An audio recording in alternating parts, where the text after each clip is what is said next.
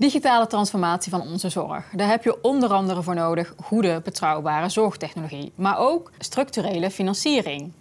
Met dat laatste is van alles aan de hand. Om u wegwijs te maken in zorgfinancieringsland hebben we vandaag twee gasten die daar van alles over kunnen vertellen.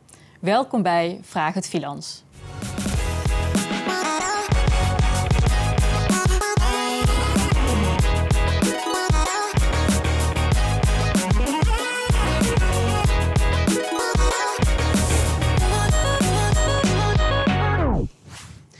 Welkom Esther Jacobs, projectleider voor zorg en technologie bij ZZG Zorggroep. En ook welkom uh, Johan van der Leeuw, expert zorgtechnologie en daar hoort zorgfinanciering bij. Johan, om met jou te beginnen. Wat is er aan de hand? Uh, wat is er aan de hand? Uh, zorgtechnologie wordt geïmplementeerd in de thuiszorg. Maar wat aan de hand is, zeg maar, dat ja, de implementatie van zorgtechnologie blijft vooral hangen op financiering. Nou bestaat er al sinds 2009 financiering voor beeldschermzorg en iets later voor farmaceutische telezorg, dat zijn de medicijndispenser. Maar voor andere soorten technologie, zoals leefstijlmonitoring of uh, uh, elektronische weegschalen of uh, zoiets als een dagstructuurrobot, er bestaat, bestond nog geen financiering voor. Tot dit jaar, sinds 1 januari 2020, is de regeling opgerekt waarbij thuisorganisaties uh, deze thuiszorgtechnologie kunnen in principe kunnen declareren bij de zorgverzekeraar. En als het gaat om mensen met een uh, indicatie voor het verpleeghuis, dus met de WLZ-indicatie, kan het als het gaat om een modulair pakket thuis uh, gedeclareerd worden bij het zorgkantoor. Ja, en dan hebben we het over vier soorten thuiszorgtechnologieën. Nou, in principe vallen alle thuiszorgtechnologieën eronder. De, de, degene die al van oudsher gefinancierd eh, worden, is zijn eh, beeldschermzorg en uh, de medicijndispenser. Wat daarbij komt zijn alle mogelijke nieuwe zorg, thuiszorgtechnologieën die ingezet kunnen worden in het contact tussen de, de thuiszorg en de cliënt. Waar moet je dan aan denken? Aan leefstijlmonitoring, aan de dagstructuurrobot, zoals bijvoorbeeld de dagstructuurrobot Tessa, of bijvoorbeeld aan ja, diverse meetapparatuur die je kunt gebruiken, bijvoorbeeld bij diabetes enzovoort. Al dat soort type technologieën kan nu ook meegenomen worden in het declareren van de kosten bij de zorgverzekeraars. Nou, dat is een doorbraak. Esther, stonden jullie uh, te springen op de tafels toen het zover was? Ja, we vinden het natuurlijk geweldig dat die regeling, uh, beleidsregel thuiszorgtechnologie, open is gesteld voor meerdere andere technologieën. De uitdaging daarvan is dat uh, het voertuig is er eigenlijk, maar om daarin mee te kunnen rijden, moet je afspraken maken met de zorgverzekeraar. En daar tref je mensen die enthousiast zijn, waar je wel afspraken mee kan maken. En uh, mensen die zeggen van ja, wat is hier het bewezen effect van? Uh, vooral met nieuwe technologie. Um, hoe weet ik dat dit uh, een arbeidsbesparing op gaat op gaat leveren. En daardoor uh, is het nogal een uitdaging om die afspraken met uh, de zorgverzekeraar gemaakt te krijgen. Ja, dus eigenlijk wil de zorgverzekeraar eerst effectiviteit zien voordat ze dit betalen. Het liefste wel. Ja. ja. Want hoe doen jullie dat nu zeg maar, met uh, iets van technologie wat jullie al jarenlang inzetten? Nou, op het moment dat je afspraken gemaakt hebt met de zorgverzekeraar voor iets wat bestaans is. En welke uh, hebben je toevallig al gemaakt? Ja, uh, farmaceutische telezorg en uh, beeldzorg. Mm -hmm. Nou, beeldzorg nu in tijden van corona, daar stelt niemand meer vraagtekens bij. Want je bent al lang blij dat er een, mo een mogelijkheid is om contact te maken met de cliënt.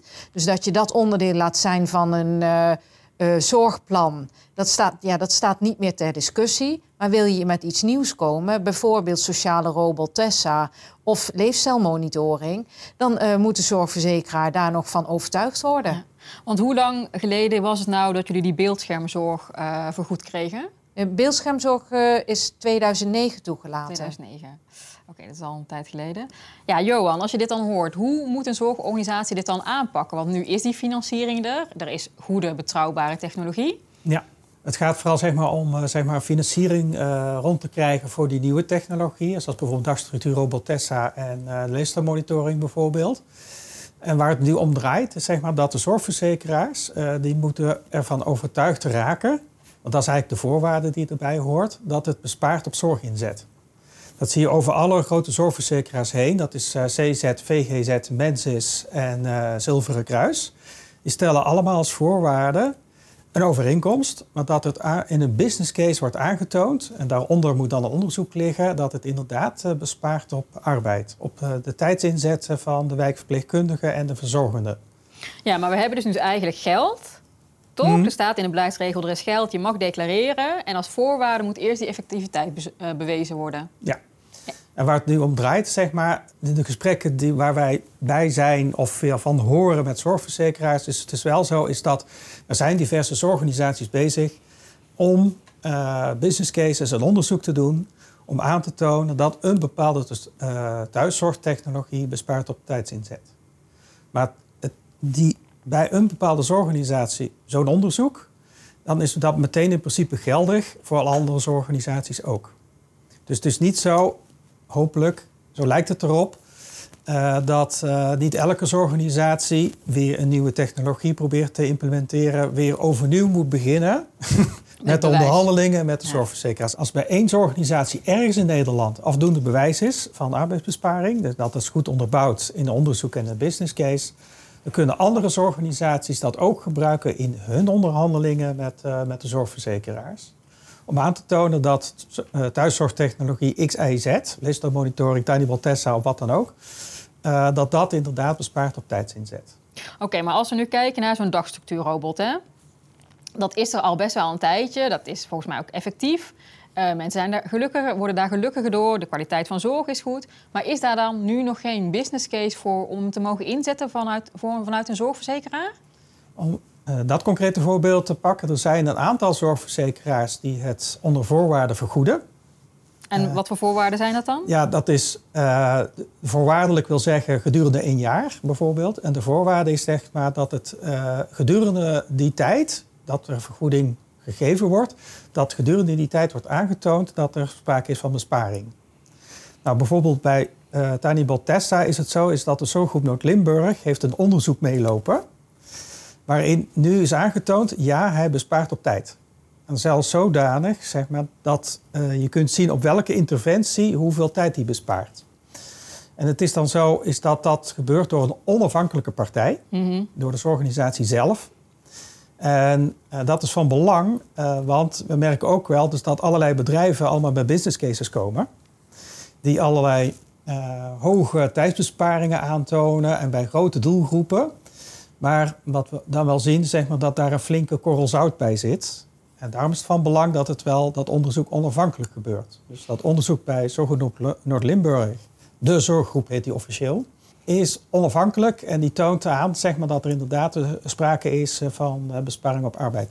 Maar dat onderzoek, de resultaten hebben wij binnengekregen, is, zijn tussentijdse resultaten mm -hmm. bijvoorbeeld en zijn nog niet openbaar gepubliceerd. En hoe lang duurt dat dan? Ja, nog? Dat duurt dan bijvoorbeeld dan nog een half jaar. Ja. Uh, voordat uh, duidelijk is, net zo goed als je met uh, coronavaccins bijvoorbeeld ook langdurig onderzoek doet... Mm -hmm. voordat je de effectiviteit kunt aantonen. Daarmee, met dat onderzoek bij de zorggroep... dan kunnen andere zorgorganisaties ook mee aan de slag... in hun onderhandelingen bij andere zorgverzekeraars. Dus eigenlijk zouden jullie kunnen wachten op die zorggroep in Limburg... en dan kunnen jullie die business case ook gebruiken om naar jullie zorgverzekeraar te gaan.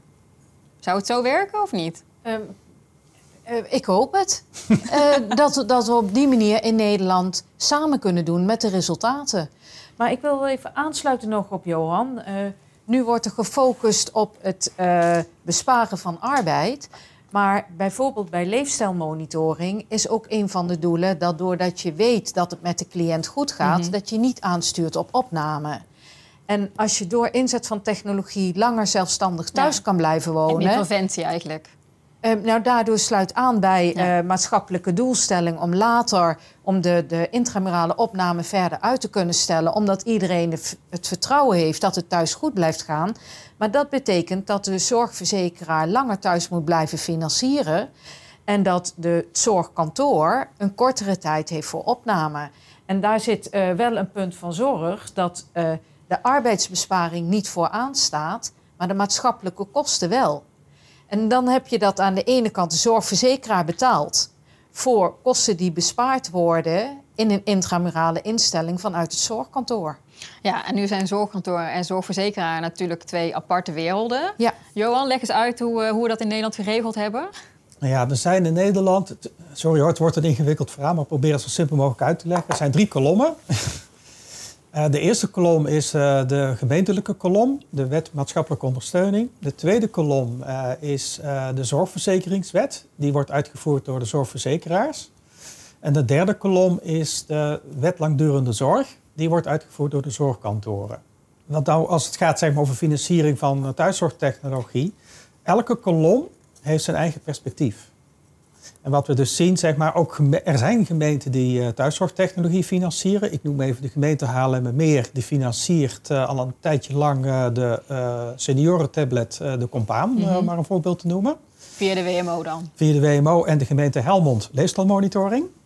Dus de tweede kolom, de perspectief van de gemeente, is bijvoorbeeld eenzaamheidsbestrijding of ondersteuning van de mantelzorg.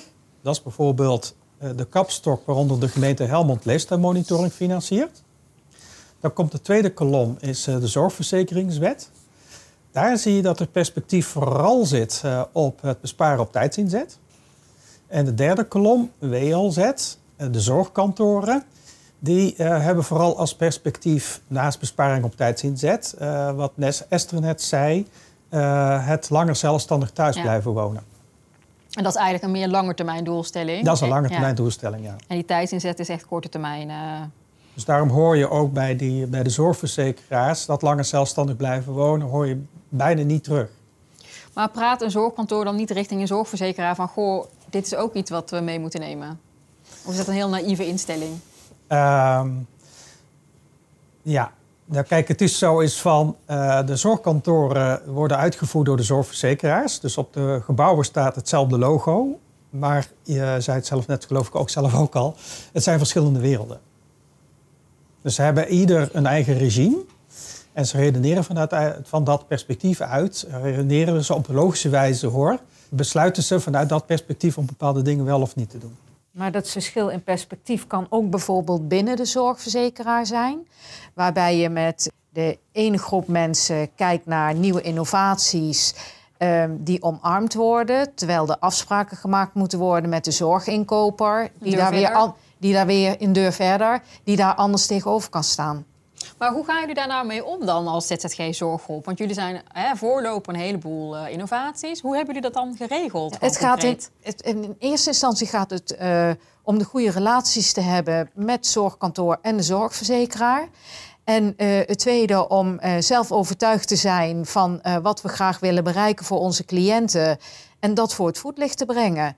Dus we proberen dat ook op andere manieren te ondersteunen. wat Johan al aangaf uh, onafhankelijk onderzoek. We zitten nu in onderzoek met uh, de Hogeschool Arnhem-Nijmegen. En proberen daar mensen van de zorgverzekeraar bij uit te nodigen. zodat bij het ontwerp van het onderzoek het onderzoek die kant uitgaat, dat de zorgverzekeraar er straks ook iets met de resultaten zal kunnen. En vervolgens deel je die met collega-zorgorganisaties, die resultaten? Ja, er is niet echt een markt in Nederland waar je uh, de resultaten van het onderzoek neerlegt en iedereen uit kan shoppen. Dat is niet zo, maar er is wel een netwerk um, waarvan uh, wie afspraken gemaakt heeft. Uh, anderen komen vragen van hoe heb je dat voor elkaar ja. gekregen en kunnen wij daar het voordeel mee doen. Want het zou maar iedereen moet zijn, zijn toch? Ja, maar iedereen moet eigenlijk zijn eigen feestje weer organiseren. Dus we gaan elke keer het wiel opnieuw uitvinden. Uh, in de inkoopgesprekken tussen een organisatie en een zorgverzekeraar is dat zeker het geval, ja. Wat wij vanuit Freelance wel kunnen doen, en dat uh, hebben we al gedaan, dat gaan we ook uh, in de nabije toekomst doen, is wat voor onderzoek er vrijkomt bij bijvoorbeeld uh, Zorggroep Limburg, wat ik heb genoemd. onafhankelijk onderzoek, om dat zeg maar, ook te verspreiden, zodat dat zo breed mogelijk bekend is. En vanuit Filans wordt zelf ook, uh, bijvoorbeeld bij ZSG Zorggroep, ook onderzoek uh, geïnitieerd rondom bijvoorbeeld leefstijlmonitoring. In directe samenspraak met de zorgverzekeraar CZ en VGZ. Uh, eh, om zeg maar de effectiviteit, tijdsbesparing van leefstijlmonitoring aan te tonen. Ja, en nu is het zo dat voor deze financiering zijn er altijd gesprekken in halverwege het jaar. Hè? Mm Stel als er nu organisaties zijn die zeggen ik wil uh, daarvoor een aanmerking komen, hoe moeten ze zich dan voorbereiden om daar uh, de volle winst uit te halen? Ja, dat is nog moeilijk te beantwoorden. Kijk, ik mag zelf niet aan die tafels zitten. als, als adviseur vanuit mm mag ik dat niet. Dus hoe dat nou precies in zijn werk gaat, ik weet het ook niet. Misschien weet Esther, heeft daar meer zicht op. Uh, maar goed, het moet meegenomen worden in de onderhandelingen uh, tussen de thuisorganisaties en de zorgverzekeraar rondom de inkoop wijkverpleging. En, dat... Ja, de, en de inkoop is altijd een heel ingewikkeld traject waar heel veel van afhangt, want dat is de hele financiering voor de zorgorganisatie. Mhm. En een van de items uh, is dan zorgtechnologie. Maar er zijn veel meer items die allemaal in samenhang met elkaar tot de inkoop leiden. Maar nu zeggen we in Nederland toch, hè, ook in het rapport van Wouter Bos, we gaan digital first werken. Hè? Dus alle, alle zorg die je digitaal kan uitvoeren, laten we dat in godsnaam doen. En warme zorg, uh, die is aanvullend. Dat hoor ik nou niet echt heel erg terug in jouw uh, verhaal zo. Ja, dat zou ik graag willen en ook willen uitdragen. Maar uh, de visie is niet direct vertaald in één op één afspraken in de zorginkoop. En wat zouden jullie daar dan voor nodig hebben? Wat zou er dan moeten veranderen? Je moet de speelruimte hebben om uh, royaal ervaring op te doen, zodat je zelf uh, kunt zien waar de meerwaarde zit en daarop kunt opschalen. Je kan niet iets wat kansrijk is binnen een jaar helemaal uitontwikkeld hebben en met alle medewerkers in de vingers. En dan in dat jaar ook nog een onderzoek hebben gedaan. En dan aan het einde zeggen: zie je, uh, hiermee kunnen we afspraken maken voor het jaar erop. Dus er is ergens ook enige speelruimte nodig om de uh, resultaten goed te kunnen vinden. En als we die dan vastleggen in onderzoek, dat we dan daar met z'n allen mee samen kunnen doen. Ja, dat is dus dat dat ook geaccepteerd wordt uh, door, door uh, ja, elders in het land, door zorgverzekeraars en organisaties. Maar toch, als je kijkt hè, naar zo'n dagstructuurbureau, hoe lang is die er nu al? Ja, die is er zeker zo vier of vijf jaar ja, al. Die is dus al vijf jaar, dus al vijf jaar, dus goede technologie. Ja. En toch krijgen, nou, toch jullie als voorloper kunnen die nog niet eens inzetten. Dat is toch. Het, eh, ook daarin zie je van waar zit de meerwaarde. Dus die sociale robot is eerst ingezet in het sociale domein mhm. vanuit de WMO. Ehm, en dan ga je met elkaar uh, ervaren um, dat, er, dat er ook mogelijkheden zijn voor geïndiceerde zorg. En dat um, stimuleren van een lunch uh, door de robot, door cliënten heel goed ontvangen worden, waardoor je daar geen personeel voor langs hoeft te sturen. En als je dat ervaart, ga je dat opschalen. En dan blijken er dus meer mogelijkheden te zijn voor geïndiceerde zorg. Terwijl je eerst vanuit was gegaan van het sociale mhm. domein. Ja, precies. Dan kijk je alleen maar naar dat perspectief. Dus je ervaart en dan zie je de kansen. Maar jullie zetten hem nu nog niet in, toch? Nee, we gaan nu een, uh, een proeftraject starten. Nee, maar stel je voor, hè, mijn vader is 70 en uh, ik ben altijd best wel geïnteresseerd in zo'n uh, robot, wat hij kan. En ik zeg tegen mijn thuisorganisatie, ik, ik wil zo'n robot voor mijn vader. Hoe gaat dat dan in zijn werk bij jullie? Nou, nu op dit moment, als er geen afspraken zijn met het zorgkantoor en er loopt ook geen project, dan is het enige wat tegen jou kan zeggen dat je het zelf kan regelen. Dus je kan jezelf een abonnement nemen en dan kun je zelf uh, doelen gaan plannen en dan kun je zelf gebruik maken van de technologie. En dat kan ook met leefstijlmonitoring, dat kun je ook zelf een abonnement opnemen. Maar je ziet eigenlijk dat die vraag vanuit uh, mantelzorgers of cliënten zelf weinig komt. Ja? Omdat je niet het idee hebt wat dat voor jou voor toegevoegde waarde kan zijn. En je eigenlijk ook moet uh, kijken van nou heb ik die verleiding nodig of kan ik dit eigenlijk allemaal best nog wel zelf? Maar die vraag gaat wel komen toch? Al die kinderen van de, de, de senioren die eraan gaan komen, die zijn opgegroeid met internet en die zien die dingen en die willen dat soort zorg hebben toch? Ja, dat is maar de vraag. Dus uh, technologie die je voor jezelf heel gebruikelijk vindt, uh, zie je die ook als onderdeel in een zorgproces. Dus um, het het, het, het idee dat die technology first, uh, dat dat normaal is en dat daarna pas die warme zorg komt, dat is helemaal niet iets wat breed gedragen is. Um, als je um, aan mantelzorgers kan vragen wat heb je liever, dat er iedere dag een wijkverpleegkundige langskomt of dat zorg wordt vervangen door een sociale robot, dan zegt iedereen in eerste instantie stuur maar iemand langs. Ja, omdat maar ze dat, toch nog vasthouden aan wat ze kennen. Maar dat kan op termijn niet meer, want het personeel is er niet. Dus die draai zal niet in eerste instantie komen vanuit de mantelzorg. Alhoewel er incidenteel best vragen zullen zijn voor mensen die een gadget in huis willen hebben. Of die juist in die niche-markt ge, geïnteresseerd zijn. Maar het zal moeten komen vanuit de wijkverpleegkundigen die mensen gaan verleiden om te zeggen: we gaan eerst dit proberen. En als dat niet meer lukt, daarna komt u in aanmerking voor warme zorg. Want wat is het tekort van wijkverpleegkundigen in Nederland? Dat is het fors, toch? Ja, dat tekort is uh, uh, 50.000, maar dan heb ik het wel over ook de integrale ouderenzorg. Ja, precies. Hoor. Over de hele lijn. Dus wanneer je in instelling woont en thuis. Dus daar is het ook wel verklaarbaar hoor, dat met name dus de zorgverzekeraars zo zitten op die, die tijdsbesparing. En, en ziet die drijfveer ook wel bij bestuurders van zorgorganisaties zelf hoor, is zeg maar dat de, de kort aan uh, zorgmedewerkers ertoe leidt zeg maar, dat er wel een flinke push is, ook los van de coronacrisis hoor. Uh, een flinke push zit op zorgtechnologie. Ja, en als we dan toch concreet toch nog naar die robot gaan kijken. Hè? Als die nou vanuit jullie ingezet gaat worden, hoe, hoe werkt dat dan?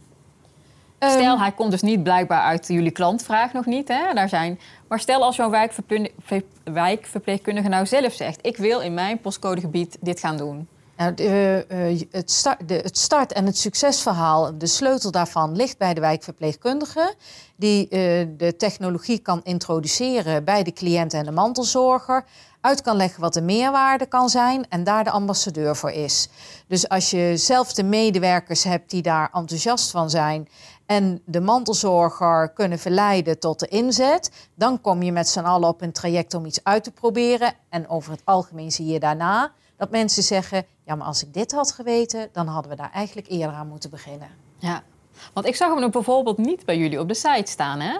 We hebben nu, dus ik zeg voor de sociale robot, gaan we in een uh, pilotproject proberen.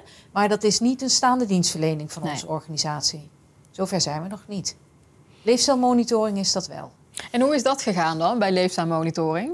Bij leefstijlmonitoring zijn we in eerste instantie verleid door Vilans. Een aantal jaar geleden uh, um, van wij zoeken een organisatie die dit wil uh, uitproberen. Uh, zou je met vijf cliënten mee willen doen om te kijken wat dit is? En wij hadden geen ervaring met leefstijlmonitoring. Ze zeiden nou dat willen wij wel doen, gewoon om eens te kijken van wat is dat eigenlijk.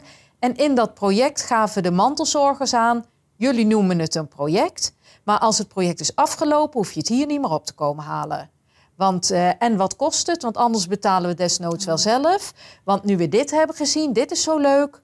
Nou, en dat proefde voor ons naar meer. Dus toen zijn we gaan opschalen um, dat uh, zorgtrajectbegeleiders, case managers dementie, um, ervaring op gingen doen bij cliënten om te kijken, is dit iets voor mij? Want waar waren ze zo gelukkig mee? Uh, de mantelzorgers, uh, uh, het grootste punt eigenlijk is dat je vertrouwen hebt dat het goed gaat.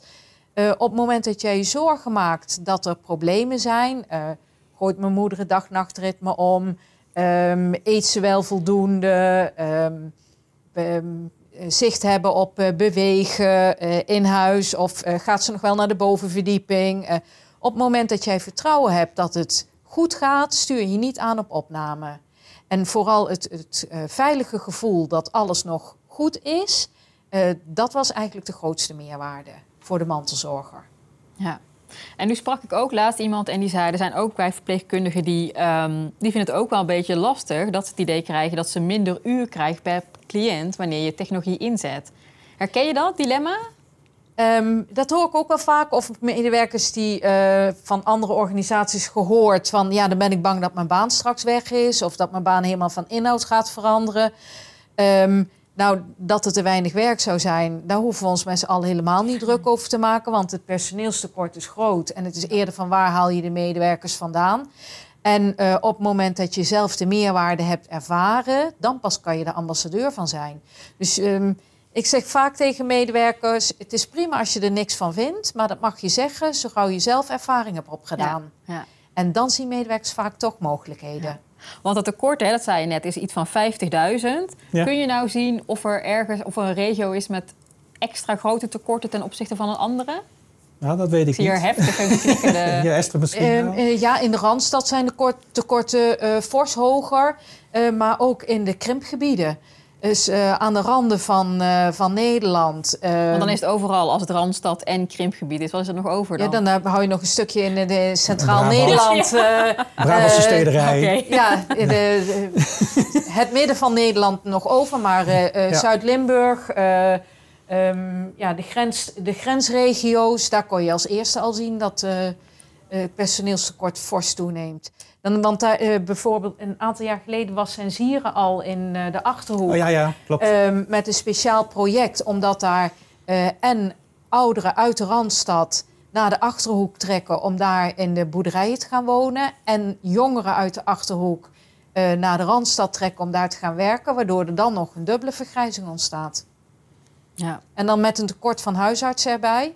Ja, dan wordt het heel moeilijk om, eh, om een beeld te hebben over hoe we dat in de toekomst verder moeten gaan doen. Maar gaan we dan straks naar een situatie toe dat iemand kan zeggen: we gaan hier toch technologie in zetten? Ja, dat kan. Kijk, ik hoor directies van thuiszorgen wel eens over praten. Uh, ik zeg ook niet welke thuisorganisaties dat zijn.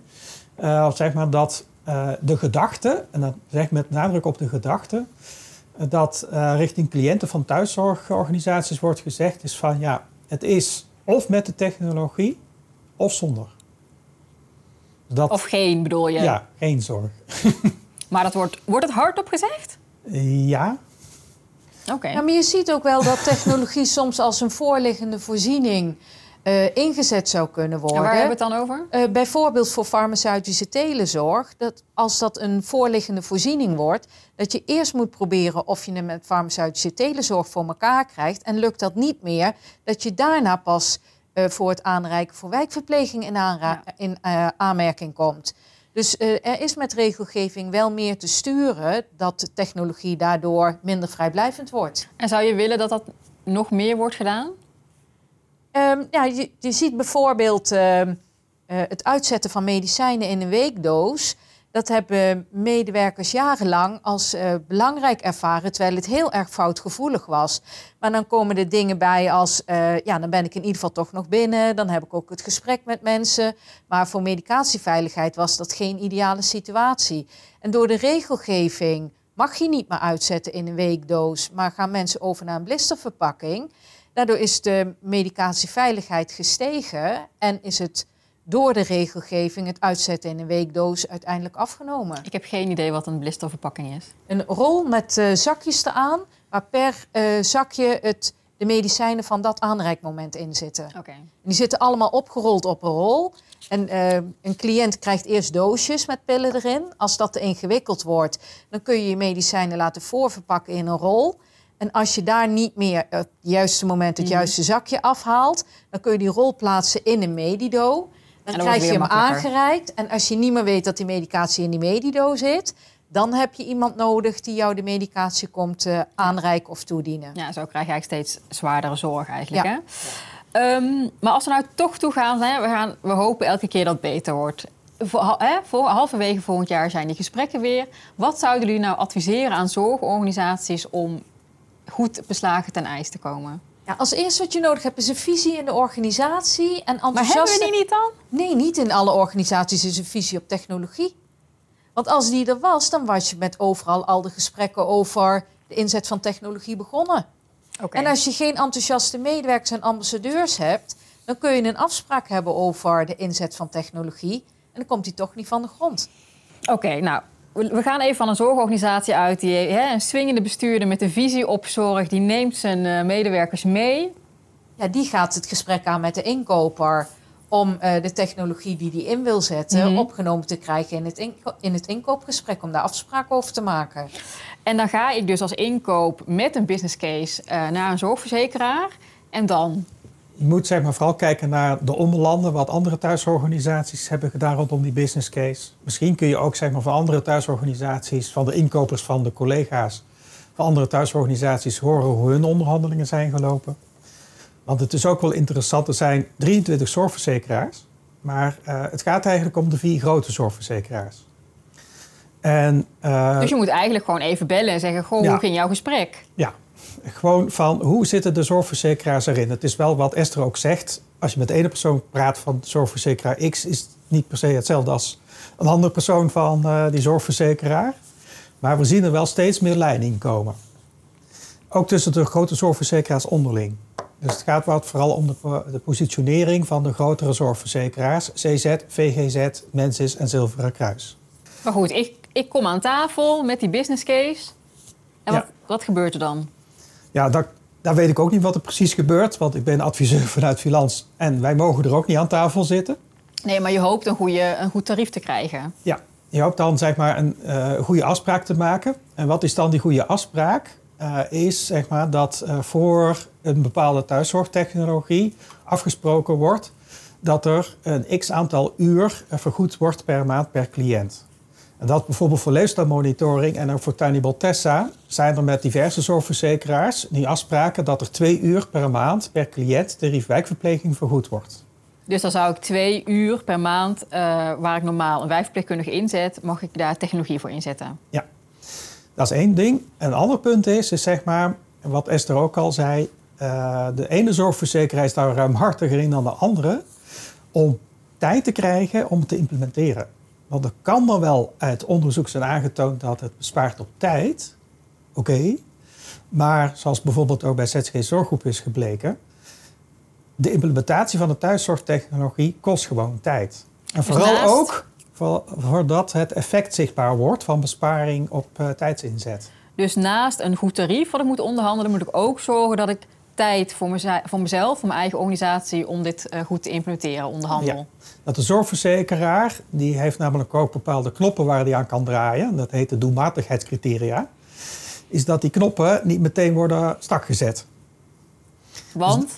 Dus, uh, kijk, het doelmatigheidscriterium is bijvoorbeeld vanuit de zorgverzekeraar het, uh, het maximaal aantal uur per zorgcliënt per maand.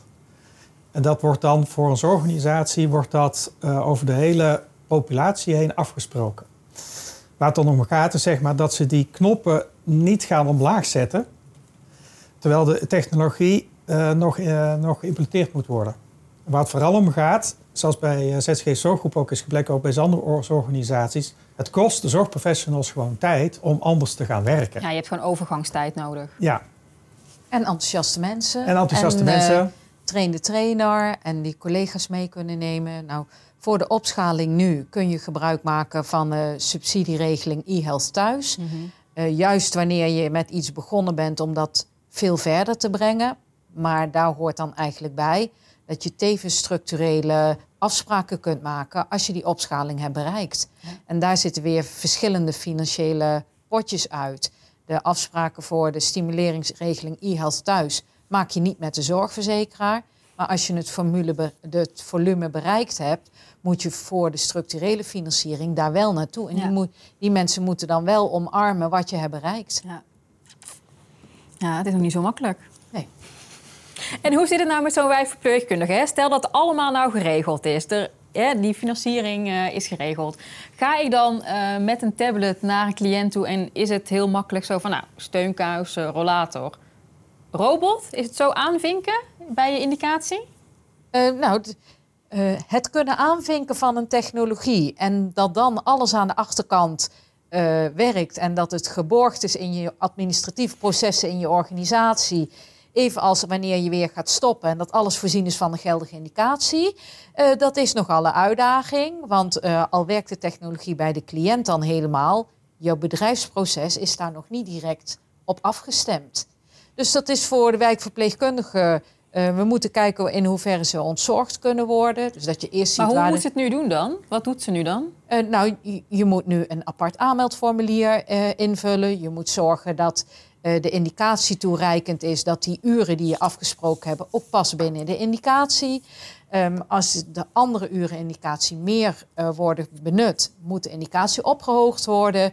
Um, op het moment dat je wil stoppen met de technologie, moet je dat goed in je evaluatieproces hebben.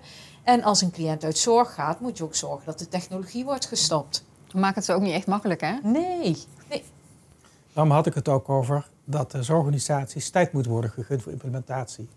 Behalve zeg maar het anders gaan werken, merken wij ook, we ondersteunen op dit moment uh, Savant Zorg en Zorgboog in de regio Helmond in zo'n set project Stimulering Regio e-health thuis om opschaling van leefstijlmonitoring en twee andere technologieën de hele regio Helmond te peel. Maar we zijn, nou, dat komt ook wel door de coronacrisis hoor, nu al tien maanden bezig om het hele proces ingericht te krijgen. Dus dat zeg maar de wijkverpleegkundigen uh, zo, weinig, zo simpel mogelijk en zo on, met weinig belasting ja. uh, dingen geregeld kan krijgen. Maar dan moet aan de achterkant moet echt uh, van alles geregeld worden binnen de hele organisatie. Ja. En daar moet de zorgorganisatie ook tijd voor krijgen. En dan, vervolgens de tijd, dan heb je het hele proces op orde. Dan de tijd voor de zorgprofessionals om ermee te leren werken. Dat is de volgende stap. En de, de laatste stap is in feite om anders te gaan werken. En wat bedoel ik dan met anders te gaan werken? Ik neem dan even het voorbeeld leefstijlmonitoring. Dan zie je dus wel dat het twee jaar gaat duren, eh, of drie jaar, eh, voordat leefstijlmonitoring uh, kan een case manager DMC zien wat het leefpatroon verandert. En dat dat op basis daarvan op huisbezoek gaan. En niet meer op basis van, ik heb een caseload van 60, dat ze om een bepaalde stramien op huisbezoek gaan, maar dat ze dat meer doen op wat ze zien op de leefstijlmonitoring. Ja, en wanneer het dus eigenlijk nodig is voor ja. die persoon, hè, dat er iemand langskomt. Als de leefstijlmonitoring op groen staat, want dat werkt door middel van een stoplicht, groen, oranje, rood, dat alles op groen staat bij de cliënt en de grafieken laten zien, de situatie is stabiel, dan stel je de afspraak uit. Daar staat tegenover, als alles zeg maar op geel en uh, rood staat, dan maak je eerder een afspraak. Ja, natuurlijk. Gewoon op maat eigenlijk, hè? Wanneer ja, de zorg op maat ja. uh, is dat dan. Nou, volgens mij hebben we verschillende onderdelen aangestipt waar we aan moeten denken. Uh, nou ja, het is er niet eenvoudig op geworden. Misschien kunnen we afsluiten met een gouden tip voor zorgorganisaties. Wat moeten ze nu regelen voor volgend jaar? Of waar kun je mee starten? Waar je mee kunt starten uh, is zeg maar met uh, wat bijvoorbeeld uit het onderzoek van uh, het Europees project IWARE bij ZSG Zorggroep is gebleken. Is dat je het liefst start met, als het gaat om de doelgroep dementie, als die even pakt met leefstijlmonitoring. En pas later bijvoorbeeld uh, Tanimod Tessa. En waar moet je eerst met leefstijlmonitoring starten? Dat is uit het onderzoek gekomen bij uh, ZCG Zorggroep. Dus wellicht kan Esther ja. dat beter leggen. Nou, leefstijlmonitoring is heel kansrijk. Bijna alle mantelzorgers die eraan beginnen, die zeggen van nou, als ik dit had geweten, hadden we eerder moeten starten. Uh, want hiermee krijg je zo'n leuk uh, inzicht uh, en vertrouwen dat het goed gaat, dat ik me minder zorgen hoef te maken, waardoor mijn belasting eigenlijk afneemt. Um, en daarmee hebben we dan direct ja, de gouden tip. Als je de mantelzorger kan verleiden om eerder te starten, heb je er uiteindelijk in het zorgproces en de cliënt dus indirect ook meer profijt van. Ja, en dan is die zorgverzekeraar ook gelukkig. Dankjewel Esther, dankjewel Johan. Mocht u thuis nou nog vragen hebben, dan kunt u alles teruglezen op filans.nl. Daar vindt u ook contactgegevens van Johan van der Leeuw, onze expert, en daar kunt u alle vragen aan stellen. Dank voor het kijken en tot de volgende keer.